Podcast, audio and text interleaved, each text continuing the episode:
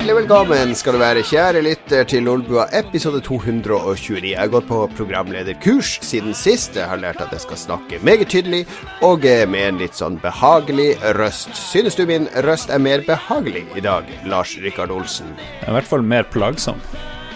Er det plagsomt? Er det det som er eh, din eh, dom over min eh, nye radiorøst? Hva med deg, Mats Rindal Johansen? Kan du slutte å snakke med den stemmen?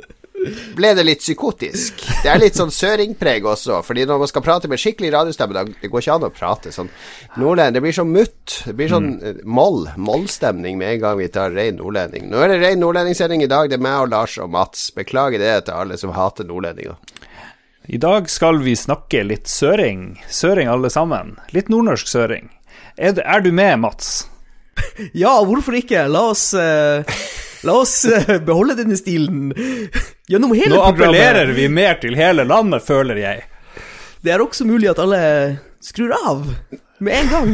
What? Ja, jeg hadde skrudd av nå, fy faen. Eh, vi, prater, vi, prater, sånn som vi prater. Slutt. Vi, vi, kan ikke gjøre det sånn der. Det blir for, for ille. Vi har sånn som min, uh, min søster og min tante, som er lærere her nede i på Østlandet begge to, de har en meget sånn der bastardisert eh, østlandsk-nordnorsk når de snakker med elever og kollegaer, da. Da blir, legger de liksom helt om når de får en telefon fra de. Men hvorfor? Hvorfor gjør de det? Hater de, hater de opphavet sitt? Det er for å bli forstått. Jeg hadde jo det samme problemet da jeg jobba i butikk, at uh, sånne damer fra vestkanten, de skjønte ikke ordet spill, så jeg måtte jo si spill. Ah. Ikke sant? Hvis jeg sa er du ute et spill, Nei, unnskyld, hva, hva, er det den mannen prøver å si? er det noen som snakker norsk her i butikken? For noen uh, assholes. Det er mye assholes i Oslo. Ble én mindre når uh, Mats flytta herfra. Oh! Minus én. Ok.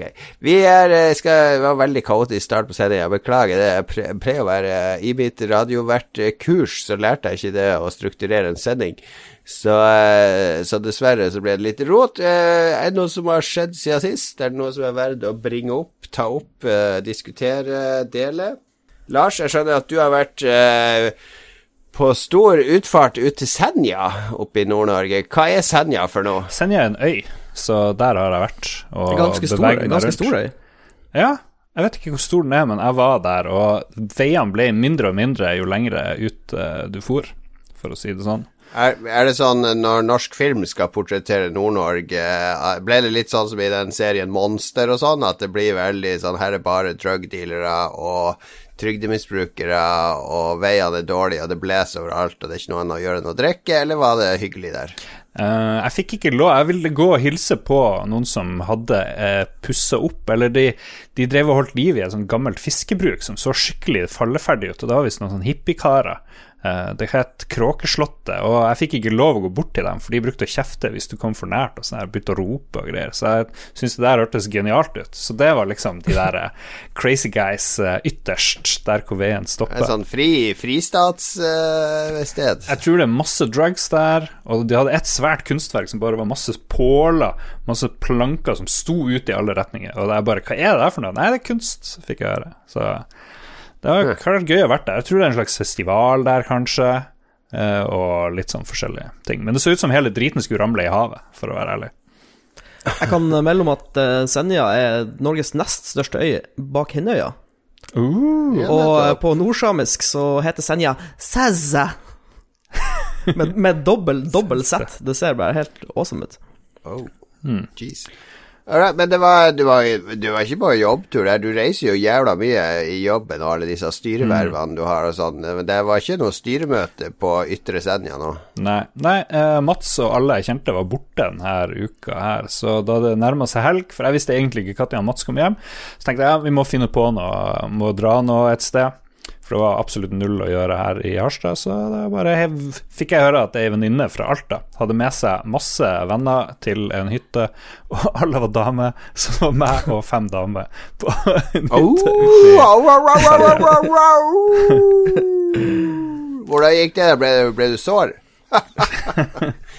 ja, ble, nei, det, det, var veldig koselig. Jeg kjente fire av de fem ganske godt uh, fra før av. Så uh, for å si det sånn. Hva du sier nå? Du kjente altså, altså, du, har, du, har, eh, du har vært til sengs med fire av de fem som tidligere? Bare, én. Bare én. Ok, ok. Bare én. Men jeg er god venn med, med alle, så ble jeg kjent med en ny, ny dame. Men eh, nei, det var veldig koselig. Det var det. Jeg introduserte den dem for The Mind, som-. Introduserte dem for Ja. The Mind, som var det vi spilte den store slageren på hytte, hytteturen vår, eh, som alle vi tre har vært på. Ja. Og gjett hvem som klarte alle åtte levels på tre timer eller noe sånt. Ganske kort tid. Eh, først, kom til level fem første gang, tror jeg, eller level fire første gangen, og så bare eh, Damen var mye flinkere. Jeg vet ikke om Det er liksom Det er jo veldig liten sample size, men de her damene, de bare De leste hverandre. Det var crazy. For du skal jo gjette, ikke sant? Du skal gjette hva de ja, andre det er, jo, har. det er jo et psykologispill der man liksom skal kjenne hverandre. Altså For de som ikke vet eh, eller husker The Mind, det er jo dette kortspillet der du har 100 kort, nummerert fra 1 til 100. Og så får hver spiller ett kort hver i første runde, så skal man legge de ut i rekkefølge uten å kommunisere. Og så Mm. Ja. I siste runde så har alle åtte kort hver, da, så det er 32 kort som skal legges i rekkefølge uten å Men det, var, det, det skjedde så ofte at alle hadde én mellom. At du måtte legge ut 52, 53, 54, og så gikk det liksom bra. Vanligvis så går det jo helt forferdelig galt. Men, eh, ja.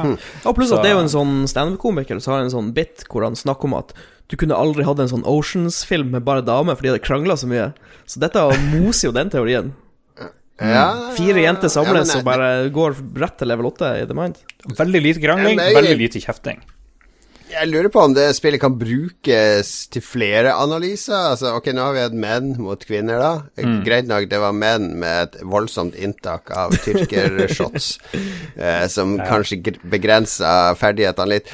Men eh, lurer på, eksempel, hvis du hadde satt ned fire stykk fra Fremskrittspartiets Ungdom, og fire stykk fra Sosialistisk Ungdom, hvem hadde klart level 8 først, tror du? Ja. Er det noe Oh. Dette vil er de se. kanskje mer jeg vil, jeg vil kanskje tenke at de er mer litt sånn aggressive og spisse albuer, disse FPU-erne. Så de er litt mer hissige med å få ut kortene sine og sånn, mens Ja. de er SV-erne, eh, det handler mer om å være et kollektiv, og at alle skal dra likt. At der Tror eh, det hadde vært interessant å, Ja. å eksperimentere med det? Ja. Ja, kunne, kunne generalisert veldig fort, bare med å ha to grupper og bare se. Konkludere med en gang, liksom. Vi trenger ikke noe mer eh, data. absolutt. Ja, men hvis den ene gruppa er med Donald Trump, de tror jeg aldri ville kommet til, lenger enn til level 4 Mm. hvis Donald Trump hadde vært med. Han hadde endra spillereglene underveis og, og Ja. litt sånne ting. Men mange av de som deltok her, de hadde også isbader eh, like før. Så det er òg et sånt datapunkt vi må ta med. Isbading, mulig forklaring. Var du med på isbading? Nei, er du gal? Uff. Så, Hvorfor gjør du Vi hadde en sånn greie. Jeg hoppa i havet på Vestlandet i sommer, og da lovte du at du skulle for å, å lage reklamefilm for uh, vår patron, husker du det? mm. Ja, og da sa du ja, det skal du gjøre innen året er omme. Du nå sa, du et- sa jeg skulle gjøre det innen året var Du lovte du skulle gjøre det innen året er omme. Det er bare to måneder og tre uker igjen av året, Lars. Nå må du henge i. Du bader i sånn 20-25 graders vann. Det er ikke mye 25 grader i vannet på Vestlandet i, om sommeren. Nei, jeg gleder meg til å se den badefilmen. Jeg kan si at jeg har vært uh, Det har vært høstferie i Oslo-skolen, så jeg har vært en tur på hytta vår på fjellet. Dro opp og var der torsdag og fredag. Og eh, der har vi gjort mye sånne hytteting. Blant annet har jeg saga ved, og så eh, hadde min eh, svigerfar kjøpt en sånn vedkløyvemaskin. Og jeg er jo ikke verdens mest praktiske menneske. Altså, jeg kan jo Jeg kan male hus og sånne ting. ja. Men hvis jeg skal begynne å bygge ting, eller operere maskiner en mot Jeg aner ikke hvordan du starter en motorsag, f.eks. Jeg, jeg har null peiling på sånne ting. Så min jobb var da å sette sammen en vedkløyvemaskin og operere den, mens de andre sto og sagde vedstykker. Og for det første så skjønte jeg ikke hvordan vei jeg skulle sette den, hva som var opp og ned på den. Så jeg, studerte jeg tegningen litt, og så lurte jeg på hvordan var det egentlig den veden skulle kløyves, for det var ikke noe sånn sagblad eller noe sånt der. Men det, det var veldig fascinerende, synes jeg, for du legger bare en sånn vedkubbe ned på langs, og så dyttes den mot en sånn der jern... eh, En sånn ved. eh, Jernting som er forma som en ved. Og så bare dyttes den så hardt at veden kløyves av den greia der. Det syns jeg var veldig fascinerende. Og måtte jeg bruke to hender for å operere den. Holde inn en knapp og dra ned en spak. Og Høres mye mer avansert ut enn en motorsag. Det gjør det jo. Men du bruker, Ja. du bruker ikke motorsag til å kløyve ved, bør vi kanskje også nevne. Nei. Men det var veldig, veldig lett når jeg fant ut av det. Det var egentlig veldig lite hokus pokus med den maskinen, men herregud hvor mannlig jeg føler meg når jeg står der og kløyver ved. Og så, når jeg fant ut at maskinen var så enkel, så jeg lot jo ungene operere den. Det var jo ikke noe sånn fare for å bli klemt eller noe sånt. Mm. Og da får jeg heller og sagde litt. Og da, det blir sånn ivrig når jeg først kommer i sånn macho-modus, der jeg endelig kan, kan, få være en mann som liksom jobber for å overleve. Hvis vi ikke har ved, så fryser vi i hjel, ikke sant? Så det handler om å overleve. Her er, det her er Isak Selland Sandrå som mm. står eh, ved, ved, huset mitt ute i marka og ja. skal forsørge familien for vinteren. Og jeg sagde jo så, så, ivrig at jeg klarte å sage på meg brannsår på, på innsida av tommelen. og jeg fikk sånn skikkelig vondt i skuldra. Fortsatt vondt i skuldra, for jeg, jeg sagde så hardt og, og, ivrig. Men det var veldig deilig å, å produsere Produserte et par, eh, ja, fire sekker med ved eller noe sånt som står til tørk nå til neste år. Så de, på neste hyttetur, eh, Lars og Mats, så skal vi innvie veden som jeg, jeg har sagd og kløyva og lagt i poser. Så koselig. Nice. Ja, men, men, jeg tenker sånn skrekkfilmmessig så vil jeg heller kunne bruke motorsag og øks enn en vedkløyvemaskin, f.eks. For, eksempel. for det, du tar mer liv av zombier med motorsag. En øks tror jeg skal klare å bruke uten uh, noe bruksanvisning. Motorsag Motorsag tror jeg du ganske fort kommer til å kile fast i noe sånn nakkebein eller hoftebein eller noe sånt på en zombie. Så det er liksom én zombie du får ja, gjort unna med den der. Eh, Motorsaget trenger sånn olje og sånn hele tida, liksom. Du ville aldri ja. kunne brukt den gjennom en hel massakre. Den ville stoppe opp jeg, jeg, eh, en, ti ganger. Gi meg en vanlig øks. Han Oreiner lurer på uh, livestreamet der om du var i bar overkropp mens du gjorde alt det her. Nei, nei, det her var jo Det snødde veldig mye torsdag morgen på hytta, da, så det var sånn skikkelig forsmak på vinteren, så jeg hadde på meg klær. Men uh, bare mm. overkropp er bare når jeg måker snø på hytta. Nei. Det lover jeg. Neste gang jeg skal ta en sånn baris-session på hytta, så skal jeg livestreame det. Så kan jeg bare glede dere på Twitch. Jeg så forresten noe som gjorde meg veldig skadefrydglad da jeg kjørte fra den hytta. For det hadde begynt å sne masse i Indre Troms eh, på turen hjem, så det var helt hvitt overalt eh, mellom Sørreisa og Bardufoss. Og der lå det en eh, Tesla ute i grøfta igjen med med kar på veien som sto og ringte etter hjelp. Så jeg var må, må, må, må. Så det var litt dårlig gjort. Han, hadde han kjørt av veien, eller var han tom for strøm? Kunne du se det? Masse sånne her eh, spor. Han hadde sikkert kjørt uten vinterdekk, så det var sånn her, han hadde dratt hit og dit og havna nede i grøfta. Ja, Du må ikke være skada Det er jo et helvete å få den opp av grøfta. De veier jo to tonn, de bilene. Det er jo, de, det er jo tyngre enn en lastebil. Liksom. Nei, nei, det er ikke bare å dytte den opp av grøfta. Mm. Ja ja, stakkars mann. Uh, Mats, du har vært ute på havet og Ja. Du har kommet hjem og dusja og masturbert, og det er basically det. Nei, vi hadde faktisk uh, en skiftfest i Stavanger på onsdagen, når vi kom i land. Oh, ja, ja. For det er jo uh, Når jeg reiser inn etter to uker, så reiser jeg inn samme dagen som flere andre, da. Som uh, noen mekanikere og prosessoperatører og sånn. Så fant vi ut vi skulle ha oss en fest i Stavanger. Så vi gikk ut på byen, da, på onsdagen. Og så overnatta vi på hotell, og så dro vi hjem på torsdag, mm. alle sammen. Jeg hørte det var mye innbrudd, og det var sånn som når jeg og Jon Cato bruker å være på byen. Bare ja, det, var, det, det, ble litt sånn uh, Vi ble litt vill, kan du si. For vi, vi starta med shots. Uh, mm. Øl, burger og shots sånn klokka fire, klokka tre-fire på formiddagen, eller på ettermiddagen, liksom. Uh, så okay. når klokka var seks-syv, så var vi godt i farta, og så hadde vi funnet ut at vi, det var en sånn standup-dude som het Daniel Slåss. Jeg tror han er britisk eller skotsk eller noe sånt. Han skulle ha show på en plass etter halv tolv. Eh, jeg tror det var halv åtte eller noe sånt. Tenkte vi ja, da går vi bort dit og ser. Og så var det den villeste køa. Det var sånn 200 folk som sto i kø for å komme inn. De hadde ikke åpna mm. dørene ennå. Så fant han en ut dette gidder han ikke vente på. Så var det en, en uh, fest i samme lokale, altså på mm. halv tolv. En privatfest for Abel.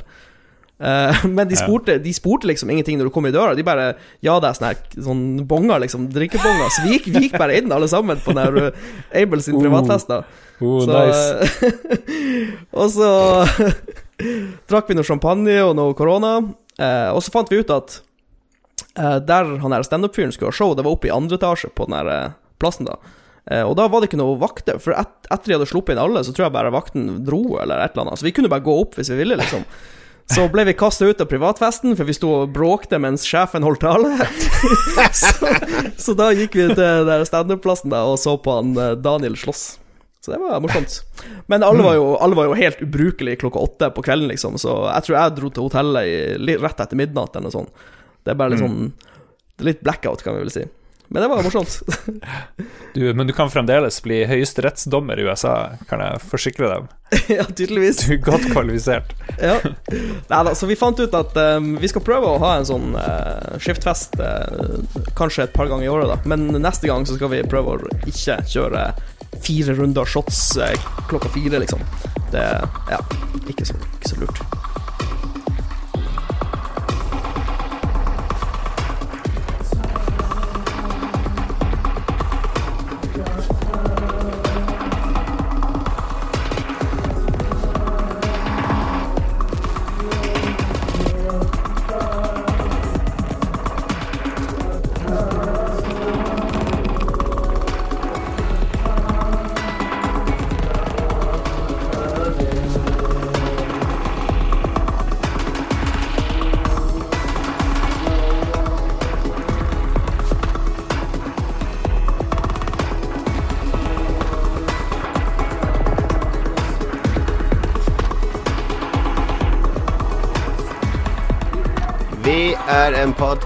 Om uh, dataspill. Vi er nylig lansert Eller vi har nylig sluppet inn på Spotify, og der måtte jeg også velge hva slags sjanger vi er innen podkast, der valgte jeg jo gaming, er jo en sjanger her.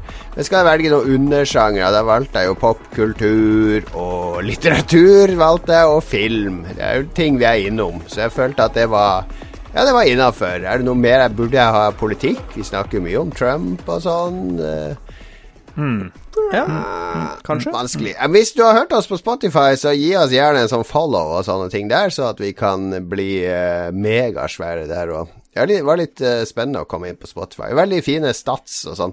Vi vet f.eks. at 4% av våre lyttere er mellom 60 og 150 år. Eh, det, er, det er liksom det, det, det, Og det betyr at det finnes en 151 pluss år, så jeg tror de i Spotify, de svenskene, de, er veldig, de har veldig troa på denne eh, forlengelsesteknologien som forskes på nå. De sier jo at mennesker som blir født nå, de fleste som blir født nå, de kommer til å leve til de blir minst 100 år eh, pga. Eh, teknologi og medisiner. Hurra. Kommer til å bli skikkelig bra, de som er unge om 100 år, som må betale for de som da er blitt 100 år og aldri vil Ja. dø. Nei, men vi, vi har roboter der, Lars. Det går bra. Robotene tar vare på oss. Vi har, eh, vi har sånn verne, vernepleierroboter, og så har vi seks roboter. Så det er liksom It's ok. vi er i hvert fall sykt døde på den tida. Vi burde rangere roboter etter viktigheter. Hvor høyt oppe kommer sexrobotene? Kommer de før vernepleierrobotene? Jeg vil si at de er helt øverst. Nummer én. Er Vernepleierroboter Ja. og sexroboter er one and the same i Ja, det, å, oh, godt poeng, Lars. Godt poeng. Ja, ja, ja. Det er, jeg tror jeg at markedet her Jeg tror du kan cornere det markedet hvis du tilbyr begge tjenester i én robot. Would you like the pleasure model, sir? All right, all right. Vi skal snakke om Vi er en spillpodkast, og det som var poenget mitt før vi rota oss bort uh, som vanlig. Eh, så vi skal snakke om hva vi har spilt i det siste. Jeg ser jo i sendeskjemaet som Lars ikke har gidda å kaste et blikk på, så står det helt blankt der. Så Mats, du kan jo begynne. Hva er det som har rulla og gått på din personlige computer i det siste? Ja, jeg har jo vært eh, på jobb, da, så jeg har hatt min enorme fem år gamle laptop eh, så til å bruke og spille på, da. Men jeg har spilt litt Destiny 2, um, og Destiny 2 fungerer utrolig bra på gamle PC-er, har jeg bare lyst til å si. Ja, ja.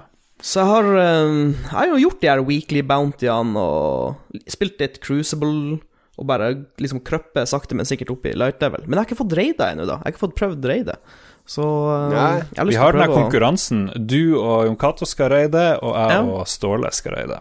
Hvem Ja, klarer det først? sønn- Men, men Ståle er veldig klar på at vi må gjøre det samtidig. Vi begynner samtidig, og så er det den som er ferdig først, som liksom Å ja. stikker av med Ja, ja, seieren. det Ja. Samme det. Jeg er klar for det. Jeg har jo min, min sønn har jo pløyd gjennom raidet 10-20 ganger nå, så hvis vi har med han og et par andre, så burde det, burde det gå ganske raskt. Men Jeg har ikke fått spilt så mye i det siste, men det begynner, jo å gå ganske tregt opp etter 540, og da må du liksom, hvis du skal ha noen progresjon, så bør du raide, for du får jo bra, bra drops der. Men det er jo jeg har lest en del sånn Destiny-veteraner, det er spesielt en som heter Gorf King, på, eh, på, et forum som heter Rollmuck, der de har en ganske aktiv Destiny 2 tror jeg, som britisk forum. Og Han har uh, hatt noen veldig gode analyser gjennom hele året da, fra Destiny 2 ble lansert til nå. Det er veldig spot on med hva som er galt, hva som funker og ikke funker. Som mm. jeg stort sett har vært enig i. Han har klart å sette ord på ting jeg ikke helt har klart sjøl.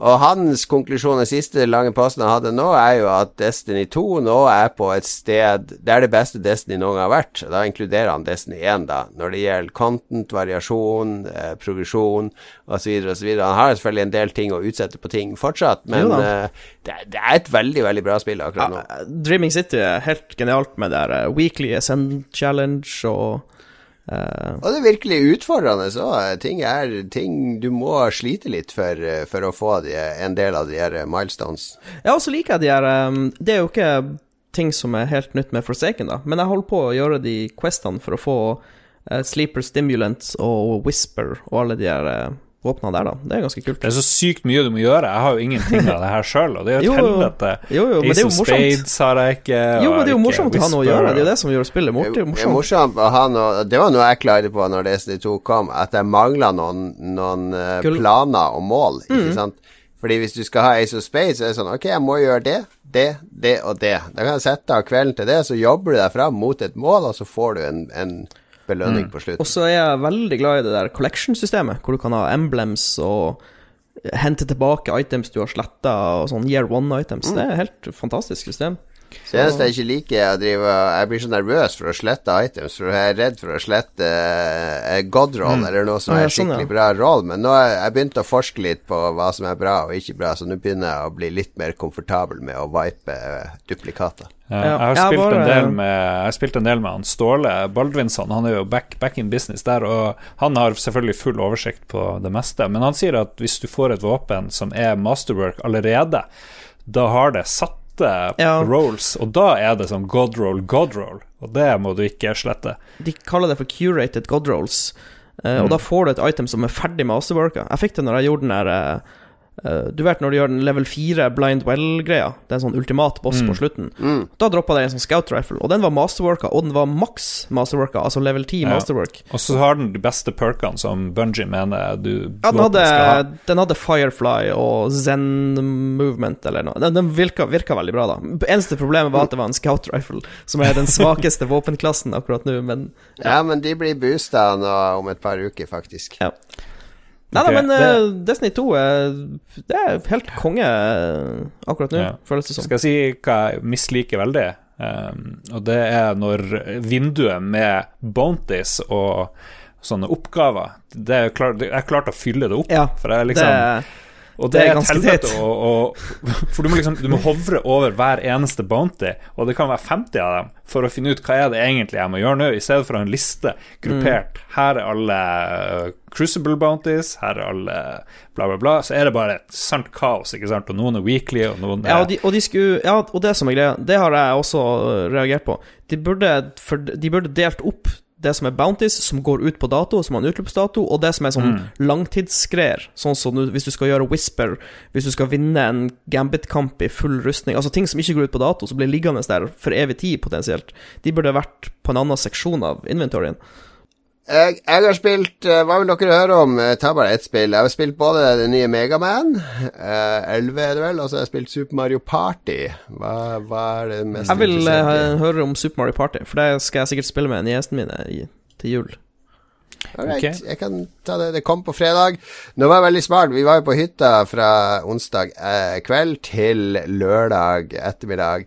Og så visste jeg at Super Mario Party kom på fredag, så jeg preloada det ned på min Switch. Tok det med opp. Altså Ungene så jo når de skulle spille Switch, bare Åh, er det Mario Party?' Ja, vi kan ikke spille det før fredag.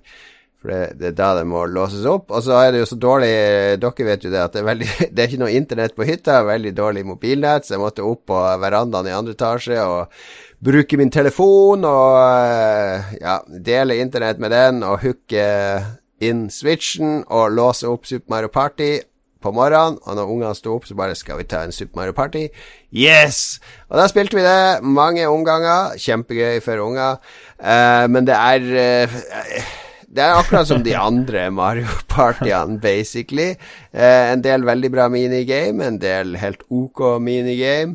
Eh, masse random når du spiller brettspillet, med hvor den stjerna blir plassert i forhold til hvor du er. Du kan, har du uflaks, så kan du ikke vinne uansett. Uh, og det er kult, men jeg, jeg, har lyst til å spille det sammen med en annen som også har Switch, fordi de har en sånn modus der du skal bruke to switcher og plassere dem inntil hverandre.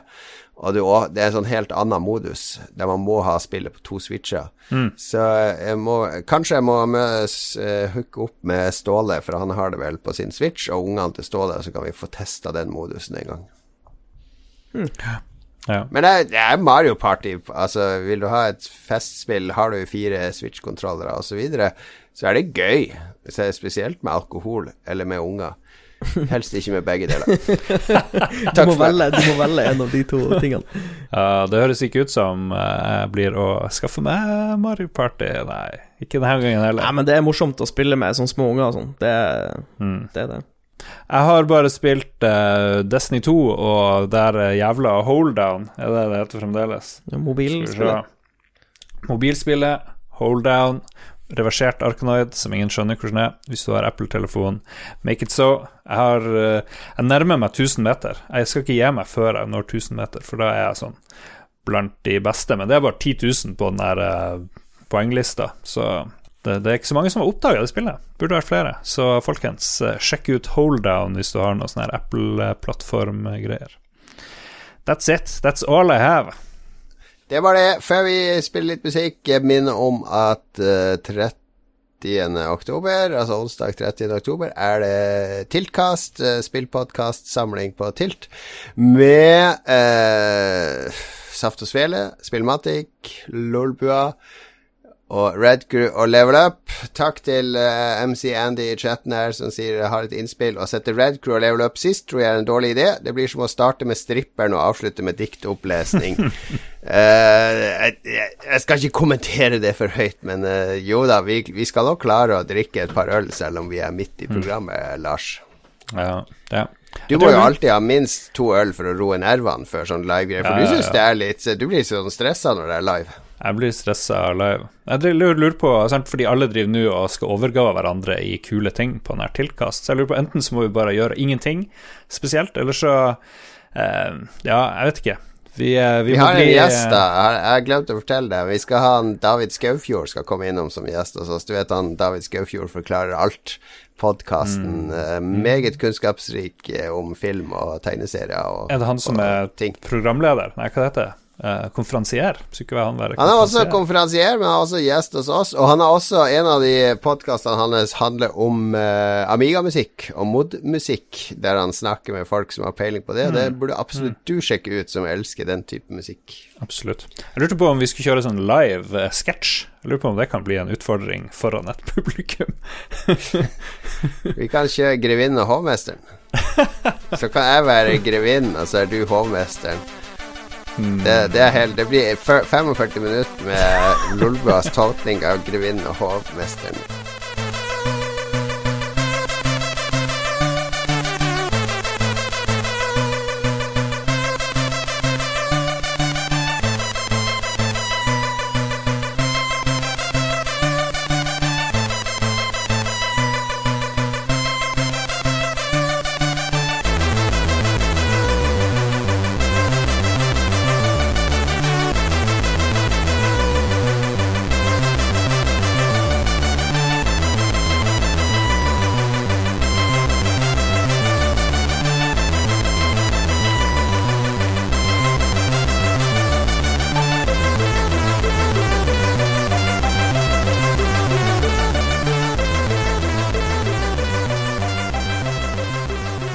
Det var en låt av uh, Ben Daglish vi hørte der. Det kan du høre mer av i vår kommende Sidbua spesial, eller hva, Lars? Absolutt. Når vi er ferdig med det her, så skal vi eh, gå av luften, og så skal vi sørge og gråte over Ben Daglish, som døde i forrige uke. 1. oktober. Han ble 51 eller 52 år gammel, men lagde masse masse god musikk til han rundt 70 eh, 64-spill, blant annet. Ja, han lagde musikk både på Amiga, 64, Amstrad og Spektrum. Mest kjent for 64-låtene sine, annet Last Ninja, men også samarbeidet med Anthony Crofter i V-Music. Så han døde forrige uke, har vært sjuk ganske lenge og kjempa mot sjukdom, og døde meget, meget trist. Og det så hadde vært en fin bro det ble inn til nyhetsspalten, for her begynte vi med en liten nyhet og en tease for en kommende Sidbua, og så har vi vårt nyhetsanker med La, la, la Mats. det var, det, så proft. Så lenge klarte vi å holde det proft. du snakker ikke eh, sørnorsk, det er derfor det gikk galt. Nei, vi har fått tilbakemelding på at uh, Dag Thomas, som er fast med i Roffelbua, vår Patron-eksklusiv, usensurerte uh, litt for vulgære podkast, uh, at Dag Thomas burde bli fast nyhetsoppleser. Hvorfor ja. mener folk det, Lars og Mats? Det høres ut som sannhet når de snakker, liksom. Men han, får jo snakke om at han skal drepe Lars og sånne ting. Høres det mer, uh, mer truende ut når Dag Thomas sier at han skal drepe Lars, enn hvis jeg sier det, f.eks.? Ja, kanskje. Mm. kanskje det er litt mer autentisk. Jeg vet ikke. Vi får se hvem av dere som gjør det. Ja, det er mye, mye i kjeften her, føler jeg. Ja. Ok. Mats, les opp nyheter. Ok, vi starter med Minecraft. Det har vært uh, blitt uh, arrangert Minecon 2018, og der slapp Microsoft tall for Minecraft. Uh, de meldte at de hadde 91 millioner aktive brukere, og så har de solgt 154 millioner eksemplarer. og blir bare forbigått av Tetris og muligens Samantha Fox strippoker. Oh. De annonserte også et nytt prosjekt som de kaller Minecraft Dungeons. Det er da en dungeon crawler hvor opptil fire spillere kan være på lag og skal mm. slåss seg gjennom ei, ei grotte for å finne noen skatter. Det, det blir da et eget spill, så vidt jeg forstod det. Det er ikke en mode til Minecraft.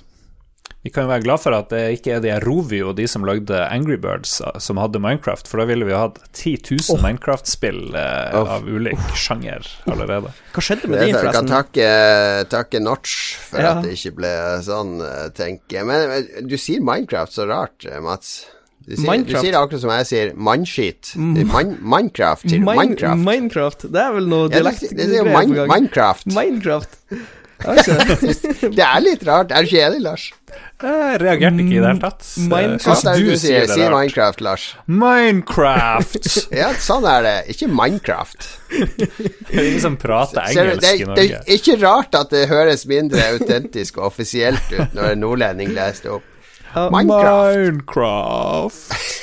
Mine, Minecraft. Ok, det var, jeg var ikke meningen å mobbe dem. Altså, jeg, bare, jeg klarte nesten ikke å konsentrere meg om nyheten. Jeg satt hele tida og hørte etter når du skulle si Minecraft, om det ble Minecraft eller My Minecraft.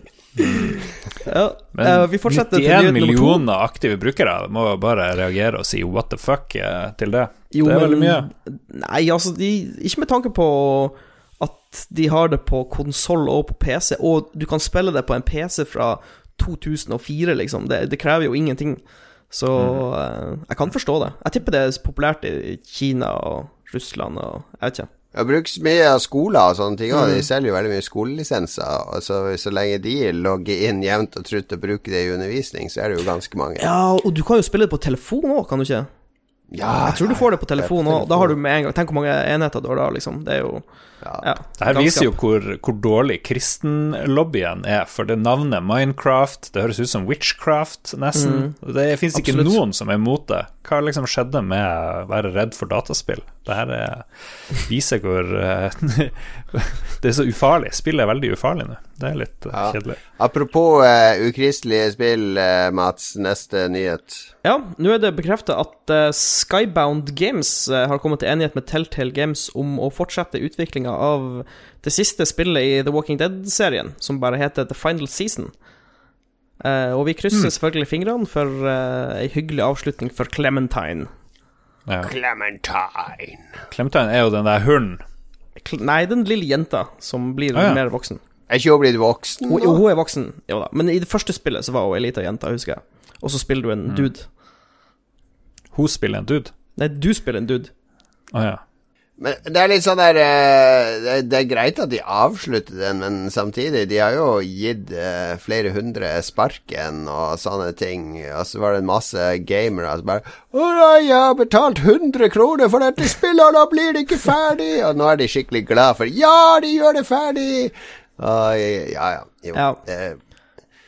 Nei, og så har du jo det andre spillet der, uh, Wolf Among Us. Det er jo også, skulle jo også komme en episode til. Men det får Ja. sikkert ikke samme behandlinga, mistenker jeg. Nei. Det det garantert blir mer av, er jo The Witcher-spillene, og det er jo ikke Eller ikke The Witcher-serien, men det er jo masse underspill som Gwent og et annet spill som skal komme nå, og det er ikke han forfatteren så glad for, Mats. Nei, han eh, Andrej Sopovskij saksøker nå CD Projekt Red for 16 millioner US dollar. Han fikk eh, Shit. opprinnelig et tilbud om å få prosentandeler av eh, spillene eh, når, inn, når de begynte å lage dem, men han hadde ikke stor tro på at det skulle bli noen suksess, og så ville han heller bare ha penger med en gang. Eh, og det angrer han vilt på nå. og det har han sagt òg i intervjuet, at han var en idiot. Eh, så tror jeg det finnes lover i Polen hvor du liksom kan eh, angre, på en Ja, måte. Eller hvis- det, han er beskytta av en slags lov, på en måte, så Ja, det er, det er en ganske ny lov, sånn som jeg har skjønt, som Ja. gjør at uh, hvis du blir lurt, f.eks., at, du blir- at en seriøs undervurdering av den reelle prisen nettopp. Eh, så er det jo om denne loven er tilbakevendende og sånne ting. Det blir jo sikkert mange år i retten for å finne ut av det her, men han uh, Jeg vet ikke, han har jo skrevet ganske mange bøker, han, de selger jo Jeg vil jo tro at bokserien hans, i hvert fall de oversatte versjonene, hadde jo aldri solgt noe som helst hvis det ikke hadde vært for for spillene. Absolutt. Det er jo mange jo Witcher-spillere som har kjøpt bøkene hans, så han har jo egentlig tjent en del ekstra på det. Ja. Nei, altså, det er mange som sier at han virker som en litt grådig person, men eh, ja, det er vanskelig å si, da. Hva å si Altså, hva, hva skjer? Altså, hadde noen polakker kommet til oss, eh, Lars, og sagt eh, vi skal lage spill av Lolbua, vil dere enten ha 500 000 kroner up front, eller vil du ha en- 0,5 royalty på spillene? Hva hadde vi sagt da, Lars? Give me the show me the money, bitch. Show me the Money. Det, fordi jeg tror han hadde vært involvert i et spill noen andre som hadde laget et spill basert på noen av verkene hans først, som hadde floppa totalt, så han hadde brent seg litt på de spillgreiene allerede. Ja, Ja. stemmer. Men det var en sånn serie hvor hovedpersonen, helten, var pedofil og sånn her, så det var ikke så rart at det ikke ble stort. Nå kommer det jo Det kommer jo De skal jo lage TV-serie av The Witcher òg, så jeg lurer på Ja. Han må jo få litt penger der, da, sikkert. Ja, hvis ikke den er basert på spillene, og at, oh, at, de, at ja, Red har rett til å selge spillrettigheter videre. Det er jo det, Da har Jeg han har gått en veldig gjennom dårlig sånn der kontrakt. Jeg har brukt halve våren på å gå gjennom sånne kontrakter, og det er utrolig tung lesing og mye, mye, mye sånn what if-situasjoner du må tenke på. Det er en grunn til at de kontraktene er sånn 30 si- sider lange, dessverre. Ja. Men det jeg tror han kanskje reagerer på òg, er jo at det har blitt eh, Det er ikke bare Witcher-serien. Nå er det jo Gwent, det er jo sånn frittstående serie, ikke sant, basert på hans univers. Han får mm. ikke De har jo ikke betalt han noe for å lage Gwent, eksempel. Nei, for det er liksom gratis, på en måte, for, for CD Projekt Red, da. Ja, men de har jo inntekter fra det. Jo da, men uh, det går jo under Witcher-paraplyen, så jeg vet ikke. Jo, nettopp. Og, og det kommer vel et annet spill basert på Gwent igjen nå. Mm, eh, heter som er Thronebreaker. Ja, så, så jeg tror nok det er disse spillene som kanskje har bikka han litt over. Så er de Mm. bare lager De bransjer ut. Alt er basert på mitt, ikke sant. Jeg skjønner godt jeg hadde fyrt meg de luxe hvis jeg var den der gamle Ja. gnukken. Han visste jo ikke hva internett var, sikkert. eh, Jeg tenker videre. det er en stor sjanse for at han Andrej Sapkowski dukker opp eh, som gjest i neste Roffelbua. Eh, kanskje en telefonsamtale med sin advokat, eller hva sier du, eh, Lars? Ja, det høres veldig sannsynlig ut. På en sprakende linje fra Warszawa.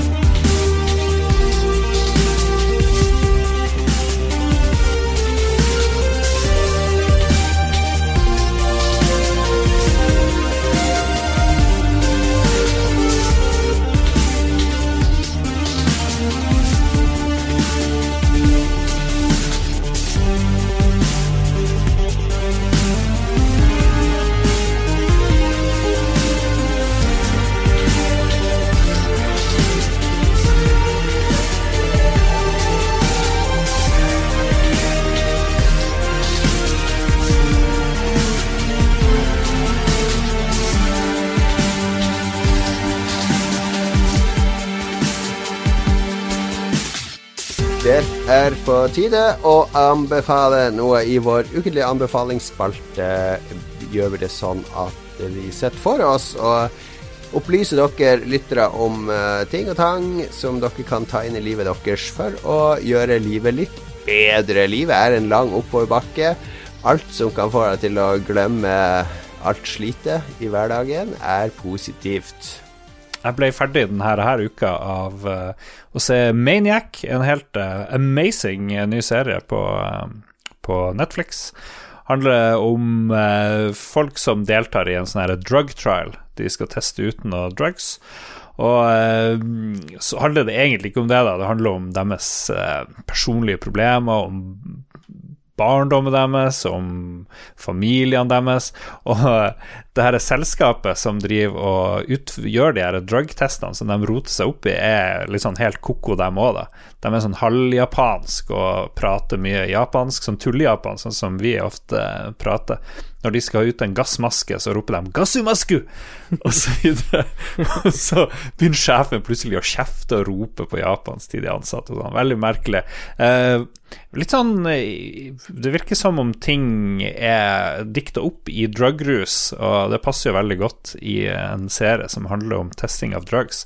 Fordi måten man skal liksom Drugget skal gjøre folk lykkeligere, og for å gjøre det, så, så sender det narkotika dem tilbake i inn i deres verste frykter, og så prøve å bearbeide det. Og så havner de i sånne fantasyverdener og sånne rare, ulike univers hvor de treffer på akkurat de samme karakterene i sitt ekte liv, er i det her Uh, sånn Breaking Bad-verden havner de i, osv. Og, så og det er Emma Stone, er det vet?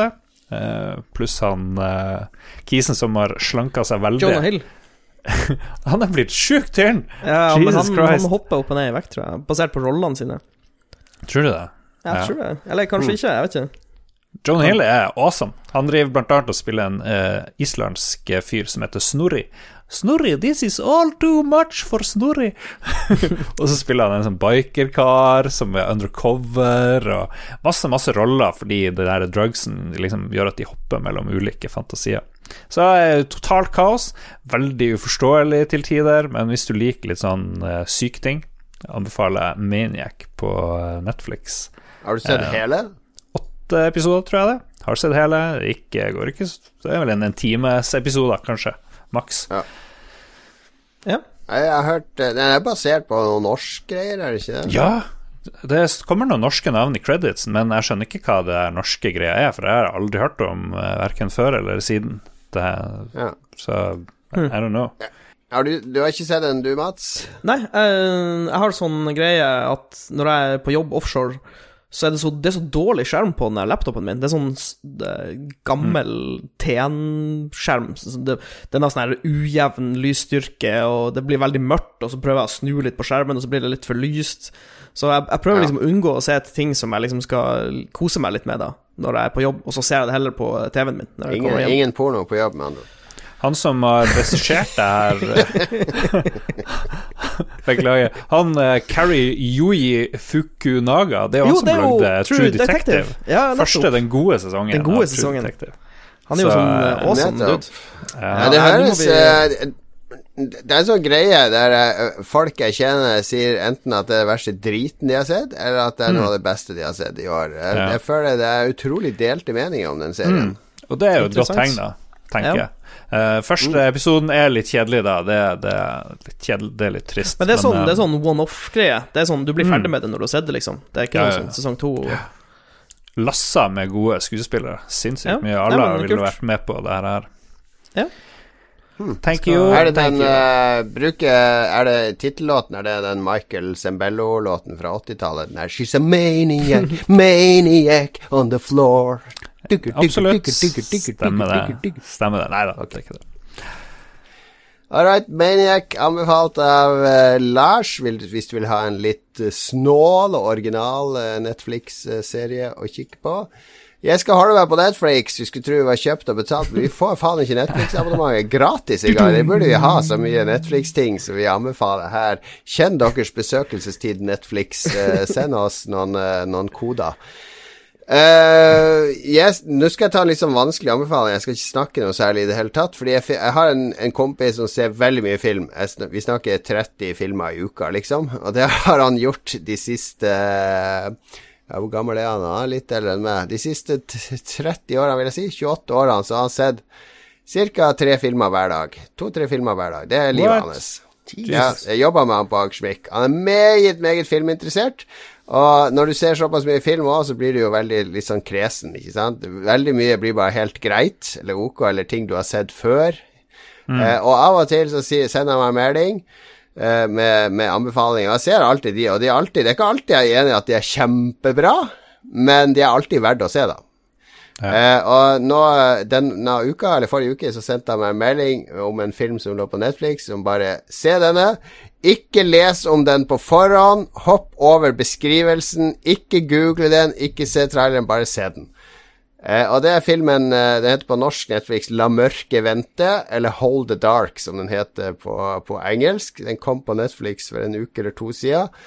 Handlinga foregår i Alaska, eh, og eh, jeg må bare gjøre sånn som han sier. Jeg bare Altså, det er ikke den beste filmen jeg har sett i år, men det er en film hvis du går inn helt blank og ikke vet om det er uh, hvilken sjanger engang. Du bør ikke vite sjanger engang når du setter den på. Så uh, er det en artig Artig, litt sånn berg-og-dal-bane. Den tar deg steder så du ikke helt uh, aner hvor, hvor, det går. Og det liker jeg veldig godt når jeg ser film, at jeg ikke helt vet hvor det her ender opp.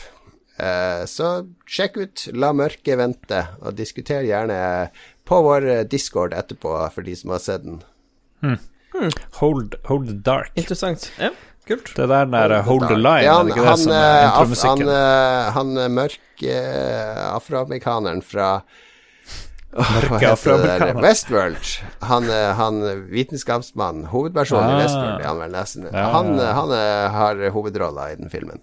Uh, Mats, Kom igjen. Datanerd-anbefaling. Vi skrur av TV-en og forlater Netflix, og så drar vi inn, inn i den virkelige verden. Nei, faen, det var, dårlig, det var en dårlig intro. Det var Vi, vi scratch, vi stryker den. Lars, klipp bort dette. Kan, kan, du, kan du, snakke sørnorsk mens du anbefaler det? Jeg skal Jeg fikk vite da at Magnus har allerede anbefalt dette produktet tidligere, men det er sikkert kjempelenge siden, så vi kan snakke om det allikevel. Eh, det er en app på telefonen din, og det er en nettside som heter LastPass hvor du kan eh, lagre alle passordene dine, sånn at du slipper å huske dem. Og så kan den lage mm. nye passord til deg, sånn at du kan ha et unikt passord til hver eh, side eller konto. Ja. Jeg skjønner ikke hvordan du lager nye passord. Jeg har jo den her driten, han lager aldri noen nye passord til meg.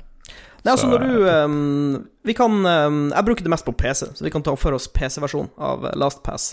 Uh, hvis jeg skal lage meg en ny konto på ei nettside som heter Offloff, og så jeg må lage en bruker der, så skriver jeg inn uh, e-posten min, og så når jeg skal lage passordet, så er det jo sånn to mm. linjer hvor du må skrive det første gang, og så må du verifisere at du skal bruke det passordet, så du må skrive det identisk en gang til. Og da kommer LastPass inn og gir meg et passord, og da kan jeg sjøl bestemme lengden på passordet. Skal jeg bruke bare bokstaver? Skal jeg ha noen mm. tall? Skal jeg ha noen spesielle tegn? Skjer ikke hos meg, det der. Nei, men jeg kan, jeg kan, vise deg, Lars. Vi kan ha en liten EDB-time. Ja. Hvor vi kan må uh, få litt hjelp av en som Du er blitt han der uh, bestefaren som må få Mats på besøk for å hjelpe han å ordne på PC-en. Sier du som var sønnen din til å hjelpe deg med alt mulig? Det er helt innafor. Det som er fint med, med appen og med, med nettsida, da, er at mm. uh, du trenger ikke å ha samme passord overalt.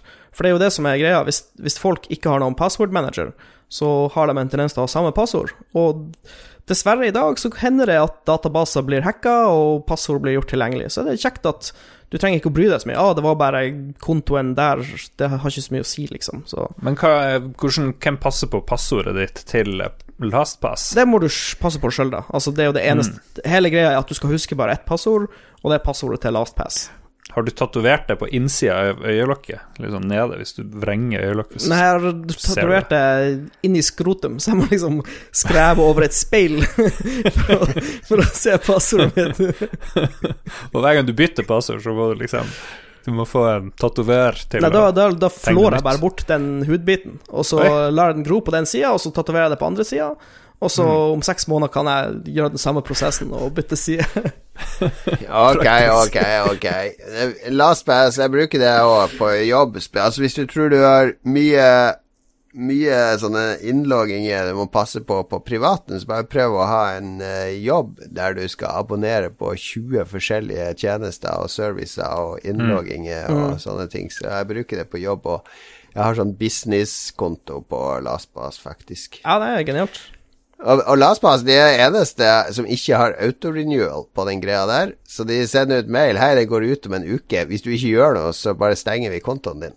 Eh, fordi de, de, skal ikke ha noen sånn automatikk. Det er noe sånn sikkerhet i det òg, da. Sikkert, ja. Nei, det virker som ja. en bra, bra, gjeng. Så jeg har mm. abonnert på premium der i sikkert fire-fem år nå, for jeg er fornøyd, ja. med, fornøyd med produktet.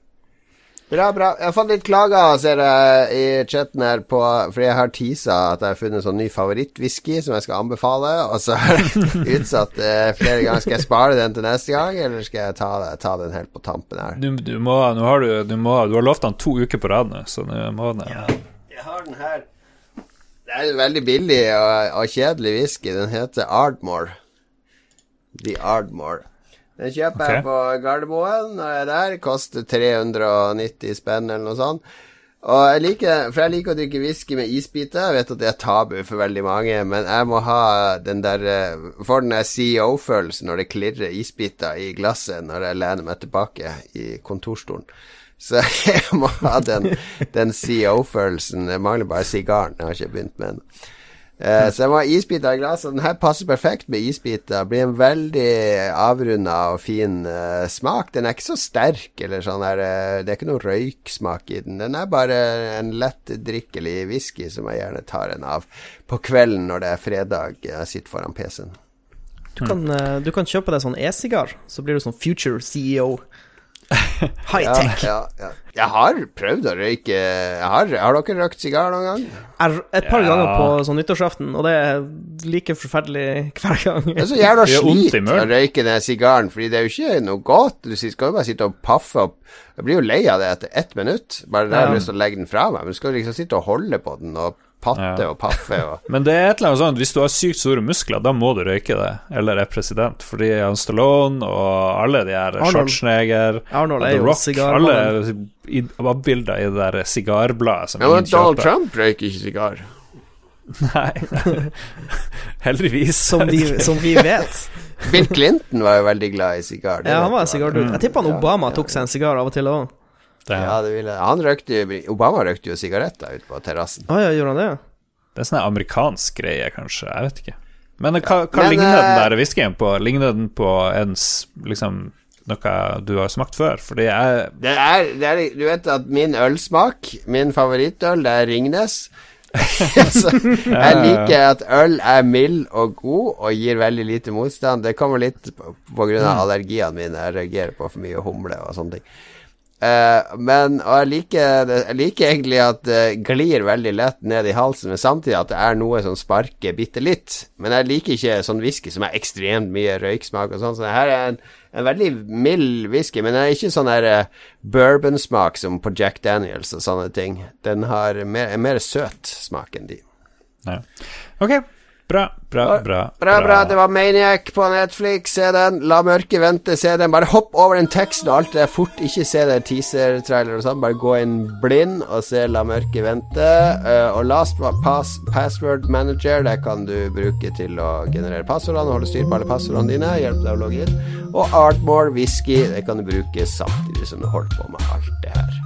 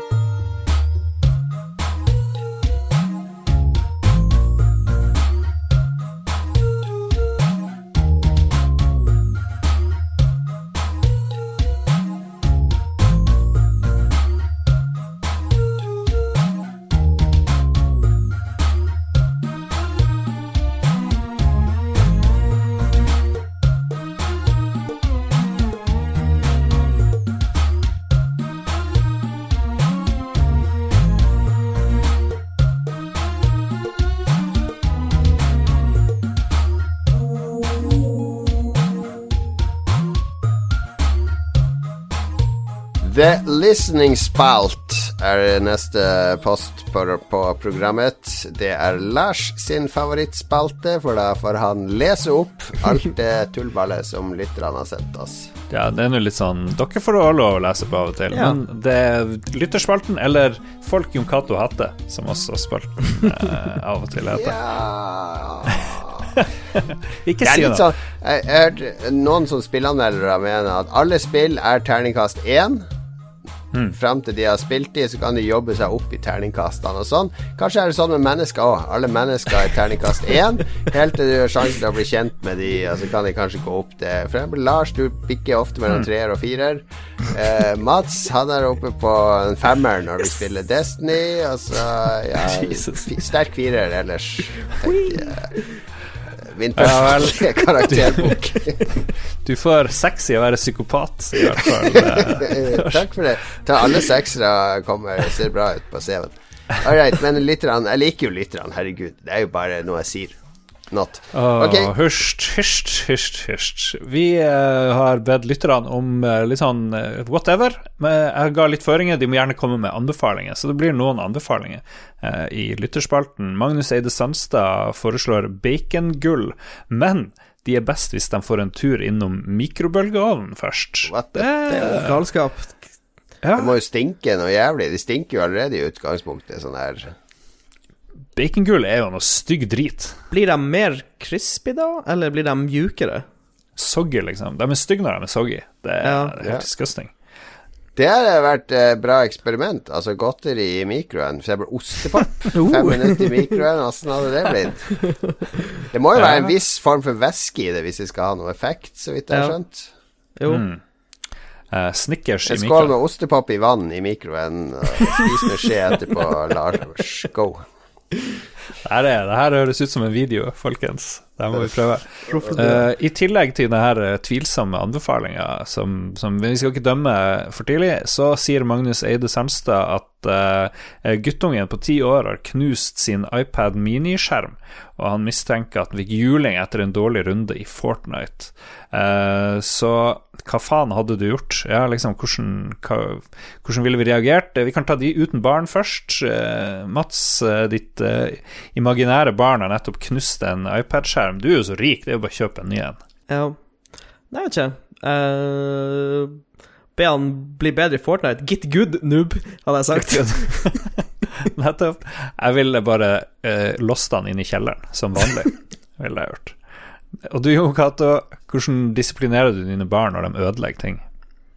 Uh, nei, da forblir det ødelagt uh, inntil de har bursdag eller jul eller har klart å spare til en ny en. Mm, Det er ikke så mye å gjøre med det. Altså, jeg, min teori er jo at alt eh, Det meste barn Hvis du lar barn holde på med ting, så er det jo en viss sjanse for at det kan bli ødelagt.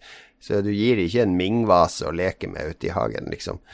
Eh, men en, en, en, en iPad er jo elektronikk, så jeg, de, det er ganske utrolig at ingen av våre har blitt knust. Da. De har gått i gulvet et par ganger og sånne ting fordi de har vært uheldige, men Ja. Det er jo ikke noe Jeg hadde ikke gjort så mye.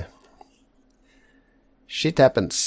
Dan Høgli vil anbefale Captain Fantastic på Netflix. Han sier at det er ei lita perle som faktisk er nyansert.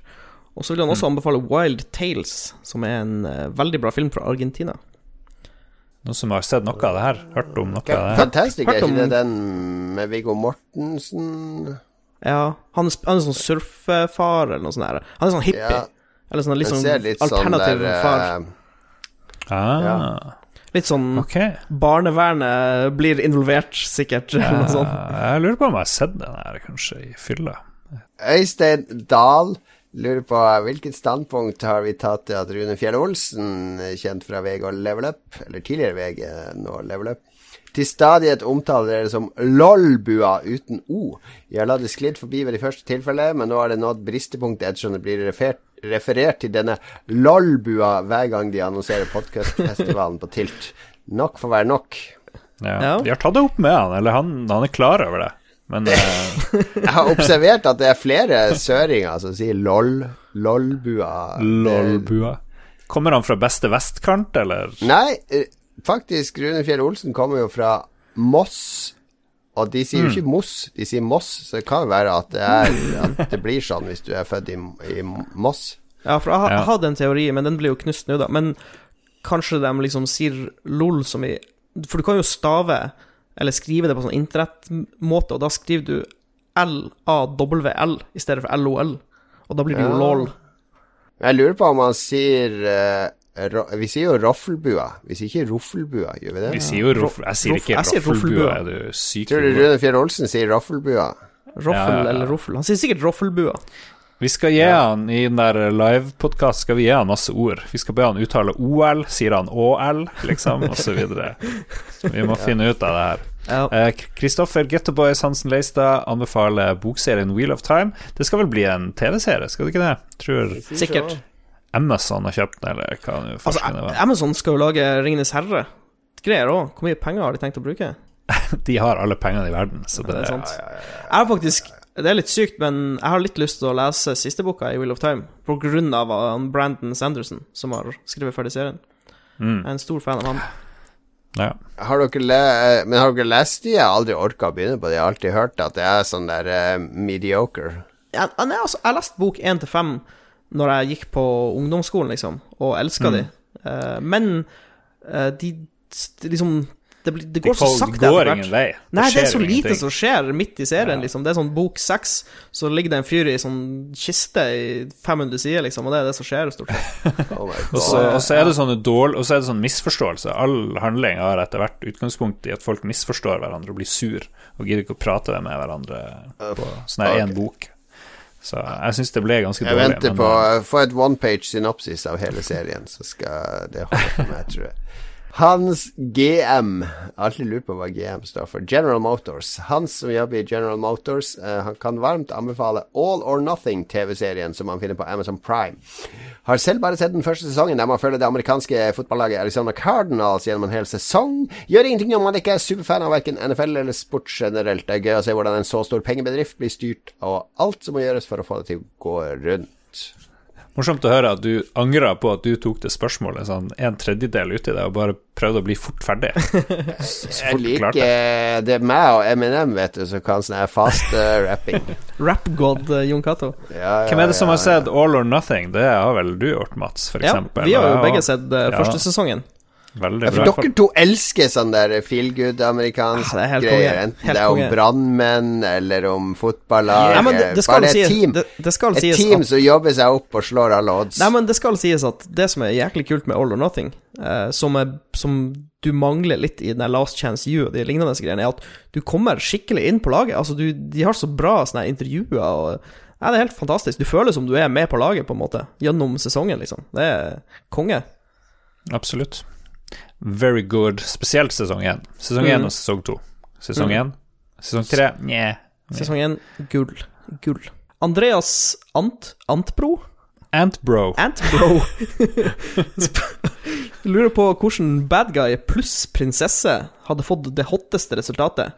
Ja, hvis de får Eh, får og da unge. tenker han sikkert på eh, Ja, at de får et barn sammen. Hvem Han er i Bosett-territoriet her. Yes. Hvem får den mest sexy babyen? Jeg vil jo si at eh, barna til eh, Ari Behn og Märtha Louise er, ikke, de er jo ganske pene barn. Det der er jo bad guyen som kom inn og tok prinsessa. Ja. Ja, veldig realistisk eksempel du hadde der, men eh, ja. Jeg, liker det, jeg liker det, Jon Cato. Eh, hvem er den største bad guyen i spillet? Den som er den mest ond? Den som skikkelig bare um, Han derre Bison har jo veldig sånn spesiell look, han i Street Fighter. Bison og Chun-Li. Bison og Chun-Li. Jesus Christ, er, hva er det vi har begynt med nå? Det her er uh, 4chan-podkast de luxe.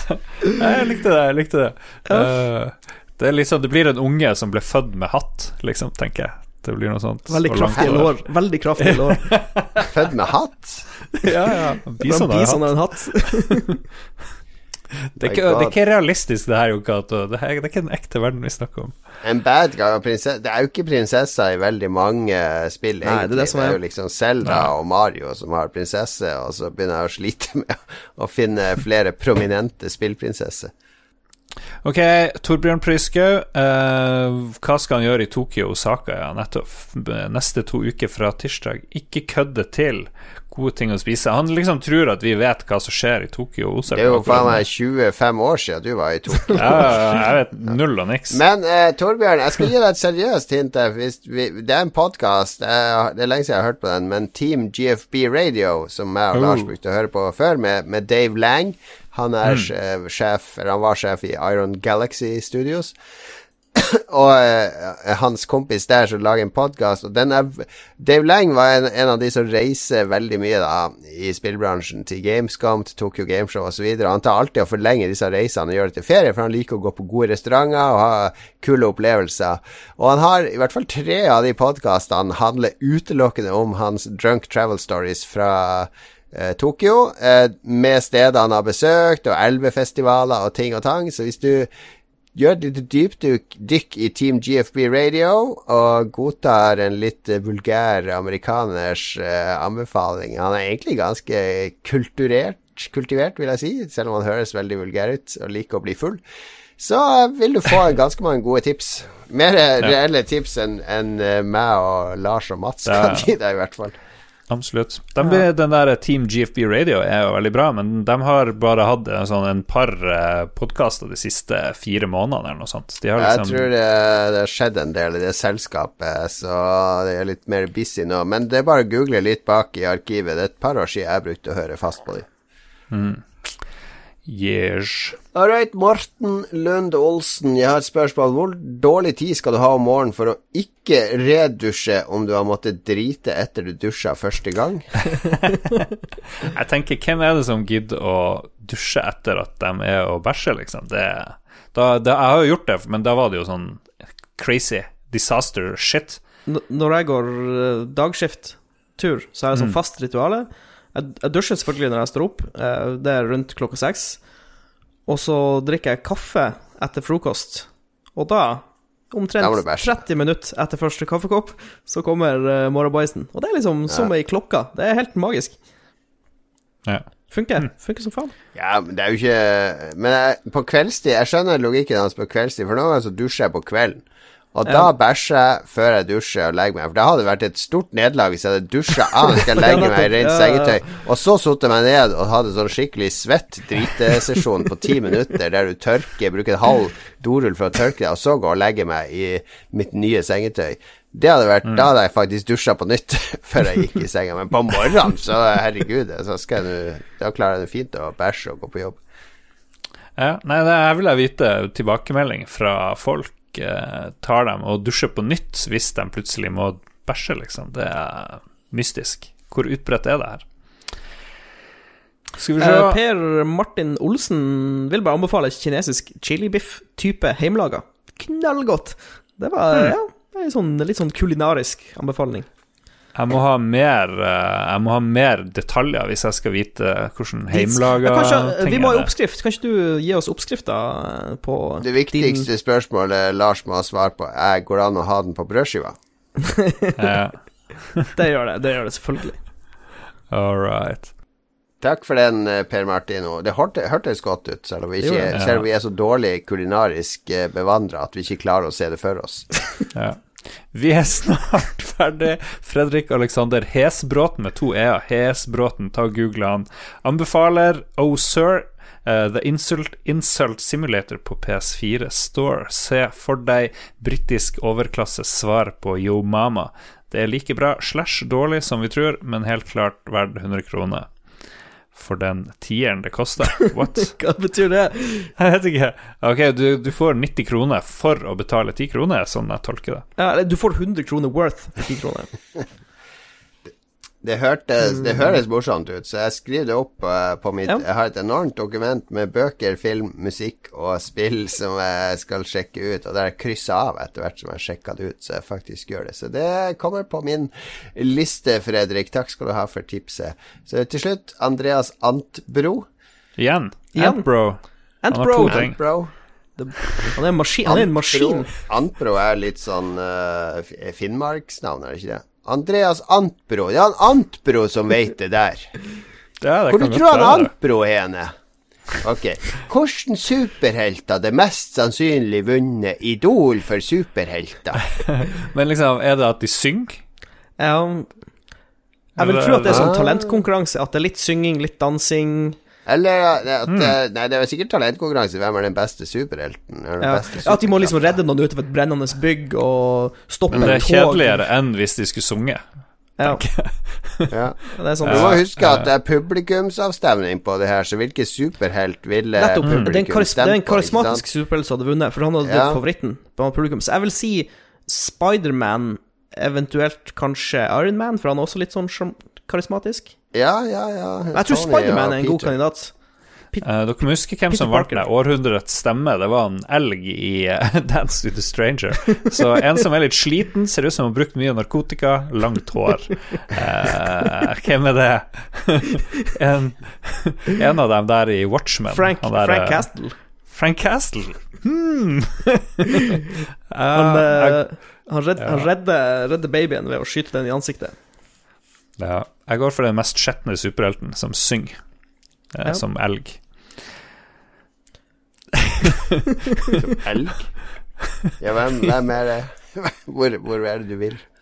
Nei, du fikk ikke med deg det jeg sa, at uh, han Jo, elg vant et jeg fikk med deg han vinneren av ditt og datt, men hvilken superhelt velger du? Må ikke si Nei, jeg velger han som ligner mest. Det, jeg, jeg går for en av de skjetne i Watchmen, tror jeg. Han der eh, med den der maska. Han tror jeg ligger Jeg tror han hadde vunnet. Du tror, du tror Rorschach hadde fått alle publikumsstemmene? Ja, hvis L kan vinne, da, så kan Rorschach også vinne. Ja. Som er vel det han heter. Jeg tar en outsider. Jeg tar Storm i X-Men. Storm i X-Men tror jeg sjarmerer og putter på skjermen og godværet. Lar det regne på hele landet i et år hvis hun ikke vinner, så folk tar ikke sjansen på det. da Får ødelagt sommerferien sin og sånn fordi de ikke stemte på Storm. Nice. Godt spørsmål, Andreas. Ja. Takk skal de ha. Ja, vi, hadde brukt mer tid på det hvis ikke det hadde vært siste spørsmål i dag, og vi må bare bli ferdig. Ja, vi har en sånn. podkast til som, uh, som skal spilles inn.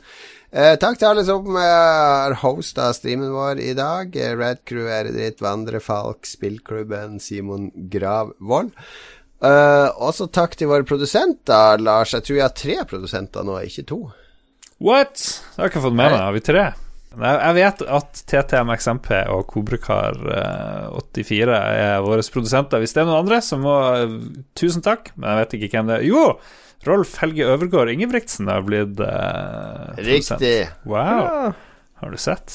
Det er ikke verst. Tusen, Tusen takk, takk for det. deg, Rolf Tusen takk. Helge. Husk at vi er på Patreon så hvis du vil støtte oss Vi er bare sånn 200 dollar fra å måtte dra til E3. Uh, Og, eh, ja! Jeg vil dra til E3. Ja, ja. 200 dollar til til oss i måneden, så blir det etere-tur på oss. Eh, ellers så eh, har vi også begynt å selge merch på lolbua.threadless.com. Eh, det går jevnt og trutt med merch der. Eh, vi vil også ta med oss merch på podkastfestivalen 30. oktober, hvis du kommer deg til Oslo da. Var det noe mer da, Lars? Mats? Eh, Nei. husk å støtte han der Kavanaugh, han nye justisminister eh, Hva han heter for noe? Han Supreme Court-duden. Han trenger din støtte. Det har vært veldig mye mot han. Mye, mye motgang. Stakkars mann. Blitt feilaktig anklaga for å, det å voldta folk og sånn her. Og det kan umulig stemme, fordi nå er han sjefen i det høyeste organet for rett og justis i USA. Så uh, kudos til han. Gratulerer, Gratulerer til Ja. Og korreksjonen korreksjon er 31. oktober er podkastfestivalen. Jeg er notorisk dårlig med datoer, men det er 31. Eh, da sier vi takk for oss. Takk for at du lytter på Lolbua. Neste episode blir 230. Eh, Oi, oi. Alltid gøy å runde et nytt titall. Det er halvparten av 460. Det, det er kun Ja. 20 episoder til 250, da. Det er litt uh, scary. Vi skal ikke love noe. Men hvor, hvor lenge blir det? Det er 20 uker til. Det er ca. fem måneder, ikke det? Det blir det november, desember ja, Det er sånn påsketider. Ja ja, vi får se om vi gjør noe spesielt rundt den episoden. Vi er tilbake om en uke, men før den tid, hvis alt går etter planen, så blir det en, eh, en bonusepisode med Sidbua som skal hylle Ben Daglish uh, før neste episode. Kos deg med den. Ha det bra! Arr.